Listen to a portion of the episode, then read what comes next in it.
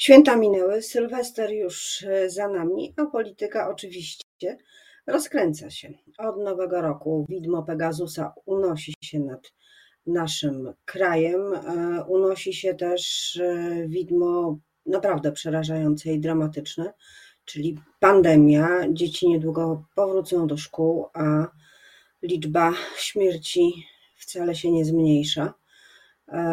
Minister Czarnek mówi, że nie ma żadnego powodu, żeby od 10 stycznia dzieciaki nie, e, nie powróciły, e, a wiadomo, że w poprzednich falach były to miejsca, gdzie pandemia rozwijała się najszybciej. Minister Czarnek będzie też bronił swojego pomysłu ustawy w Sejmie już za parę godzin i właśnie o tym już za chwilę będę rozmawiała z moim gościem, Suzanna Dąbrowska. Dzień dobry. Gościem jest była minister edukacji Krystyna Szumilas, posłanka Koalicji Obywatelskiej, wiceprzewodnicząca Sejmowej Komisji Edukacji i Młodzieży. Dzień dobry pani poseł. Dzień dobry pani redaktor, dzień dobry państwu. Dzisiaj posiedzenie połączonych komisji można powiedzieć, druga odsłona walki ministra edukacji i nauki o swój projekt. Pierwsza odsłona się nie udała, ale dzisiaj zdalne mm, połączenie będzie i hybrydowa, e, hybrydowe obrady, to pewnie PiS większość utrzyma, jak pani obstawia.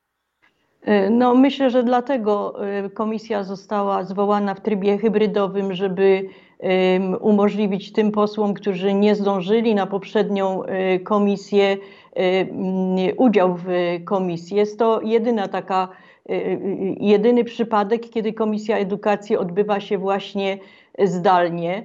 My wystąpiliśmy do pani marszałek z protestem wobec takiego trybu zwołania komisji, ponieważ jest to zbyt ważny temat, żeby ograniczać też dostępność gości, dostępność strony społecznej ale też e, e, tutaj iść na rękę posłom, którzy nie chcą przyjechać do, do Warszawy. No niestety nie otrzymaliśmy od pani marszałek odpowiedzi na to nasze pismo. Tutaj pani marszałek rządzi w Sejmie według potrzeb PiSu, a nie według potrzeb demokracji. E, przyjmijmy więc, że komisje przebrną przez ten projekt pomyśli, pomyśli edukacji e, i nauki. Co e, on zawiera takiego, przed czym opozycja tak bardzo się broni? Co jest najbardziej kontrowersyjnym punktem tej ustawy? Y, po pierwsze, chciałam powiedzieć, że my zrobimy wszystko, żeby jednak y, y, ten projekt dzisiaj odrzucić. Złożymy wniosek o wysłuchanie publiczne, złożymy wniosek o odrzucenie tego pro, projektu. Cała opozycja razem, bo tutaj, tutaj działamy wspólnie i nie składamy broni bez względu na to, w jaki sposób pani marszałek Witek tą komisję zwołała. A jeżeli chodzi o drugie pytanie, pani redaktor, e, to nie posłowie opozycji walczą z tym projektem.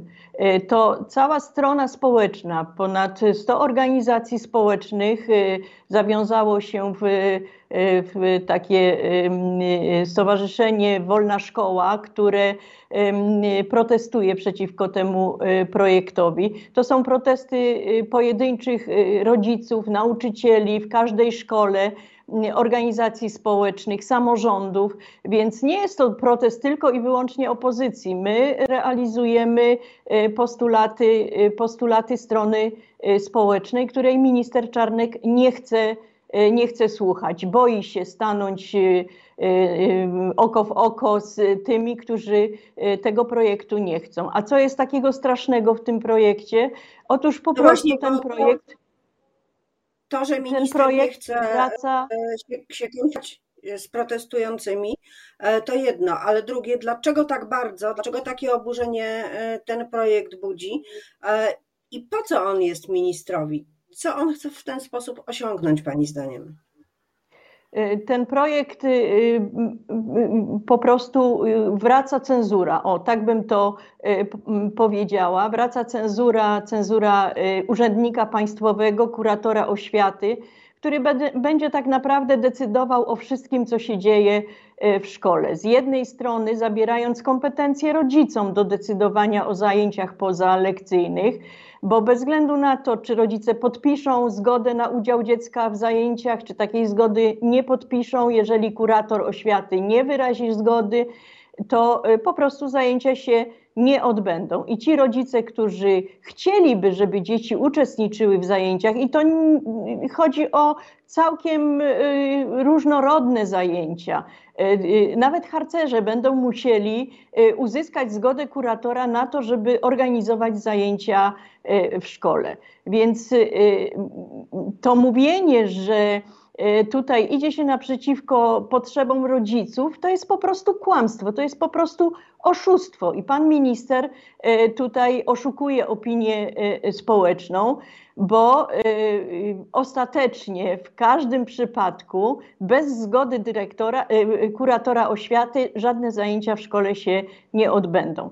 Taką sytuację mieliśmy w czasach PRL-u, kiedy była cenzura i kiedy to urzędnik państwowy decydował, jakie zajęcia w szkole mają, e, mają być. Z drugiej strony ten projekt narzuca duże, daje kompetencje kuratorowi do ukarania dyrektora, który nie będzie posłuszny, czy będzie działał wbrew poleceniom kuratora oświaty. I te dwa narzędzia po prostu powodują, że działalność taka społeczna, wychowawcza szkoły będzie po prostu zamrożona. Tak? Uczniowie zostaną zamknięci w klasach bez możliwości kontaktu z takim zewnętrznym światem. A po co to PiS robi? No widzimy, że robi to po to, zresztą pan marszałek Terlecki powiedział to wprost, żeby wychować wyborcę PiSu. E, I, i, o co chodzi w tym wychowywaniu? I tak, ale ten patriota jest rozumiany jako wyborca PiSu. Tak? To, nie, to nie jest patriota, który kocha Polskę, tylko to jest patriota, który ma kochać PiS. I, i to jest y, y, y, znowu, przepraszam, ale, ale widzę tu analogię do czasów y, PRL-u, kiedy y, y, lud miał kochać, kochać władzę, nie miał wyboru. I to też jest bardzo ważny moment y, y, walki o demokrację, tak? Szkoła ma uczyć wyboru, szkoła ma dać różne alternatywy i pozwalać na wybór. To prawda, tak by było najlepiej, ale ja też pamiętam czasy PRL-u i wiem, że w taki sposób wychowywano sobie zastępy przeciwników, a nie miłośników, ponieważ e, szczególnie kiedy ma się kilkanaście lat, e, to e, ma się wielki potencjał na to, żeby nie zgadzać się nie tylko z rodzicami, ale przede wszystkim właśnie z oficjalną linią różnych instytucji. No, a szkoła jest wśród nich na pierwszym miejscu. Czy takie prawo może osiągnąć cele nawet zakładane przez ministra?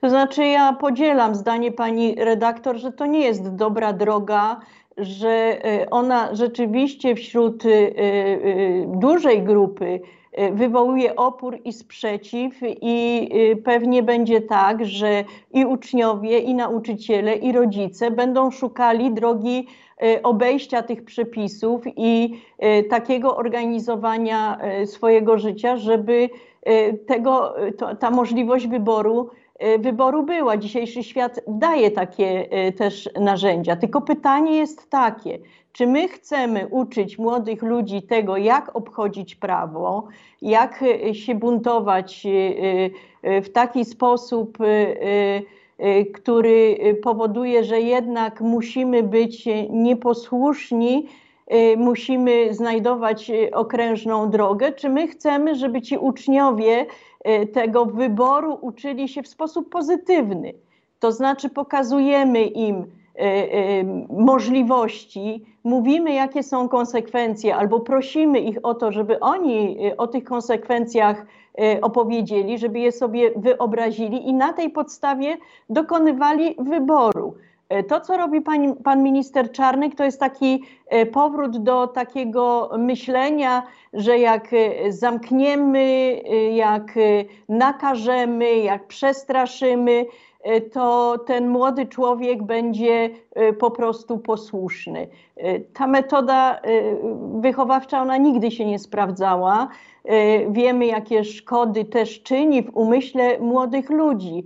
I my, my protestujemy dlatego, żeby tych szkód po prostu w umysłach młodych ludzi nie czynić. A ja bym wolała, żeby patriota e, to był ten, który kocha Polskę bez względu na to, e, jakie, jaka, jaka ona jest, tak? I dążył do tego, żeby była coraz, coraz lepsza, żeby szanował tych, którzy byli przed nim i też myśleli o Polsce jako o swoim kraju, o swojej ojczyźnie i działali dla dobra tej, E, tej ojczyzny. A jeżeli e, ktoś popełniał błędy, e, to nawet Kościół uczy, że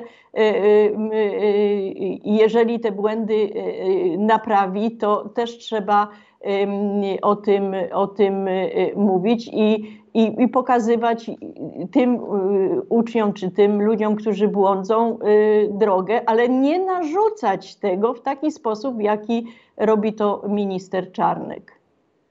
Pani minister, e, pani ma doświadczenie e, tej instytucji, tego resortu. E, I patrząc z tego punktu widzenia, już zapominając na chwilę o, o ideologii, o wychowywaniu wyborców, po co szefowi resortu edukacji i nauki, dużego resortu, podwójnego można powiedzieć, taki instrument? Czy dzięki temu będzie ze swojego punktu widzenia łatwiej ministrowi zarządzać szkołami? Czy chodzi wyłącznie o nadzór, a jeśli tak, to do czego on ma prowadzić z punktu widzenia ministra? Po co mu to? Znaczy, y, no, pan minister Czarnek ma takie bardzo duże mniemanie o sobie, lekceważy y, opinię społeczną, jest takim y, autokratycznym ministrem, który uważa, że nie popełnia błędów i wszystko Y, zrobi dobrze. To zresztą widać w jego wypowiedziach i w takich lekceważących y, y, tweetach czy, czy, czy, czy wywiadach w stosunku do, do tych, którzy pokazują, że jego rozwiązania się, nam się nie podobają. Tak? To doświadczyli takiego lekceważenia i takiego obrażania wszyscy, którzy mieli możliwość, czy, czy, czy, czy okazję, czy y, y, chęć y, skrytykowania tego, co pan minister robi.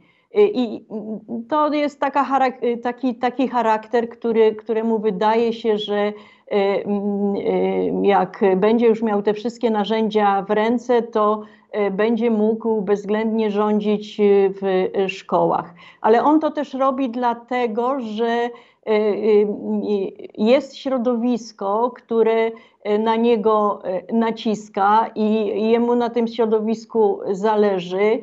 Od tego środowiska też zależy to, czy on będzie posłem, ministrem i tak dalej. Tak? To jest pewien też taki jego osobisty, to jest też jego osobiste wyzwanie. Myślę, że też walczy o Y, y, swoją pozycję w Prawie i Sprawiedliwości, o to, żeby, żeby y, być takim człowiekiem prezesa.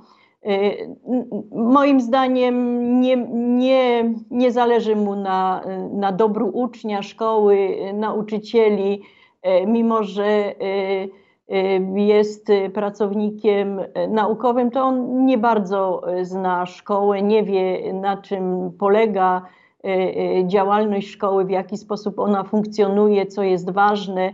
Więc te wszystkie jego działania to jest tak naprawdę wykonanie polecenia, które dostał w momencie, kiedy e, został ministrem E, podporządkowania szkoły e, PiSowi. O tym zresztą bardzo wyraźnie powiedział pan marszałek Terlecki, ale też walka o jego pozycję w Prawie i Sprawiedliwości, o, o, o takie, takie bycie wiernym wykonawcą poleceń prezesa.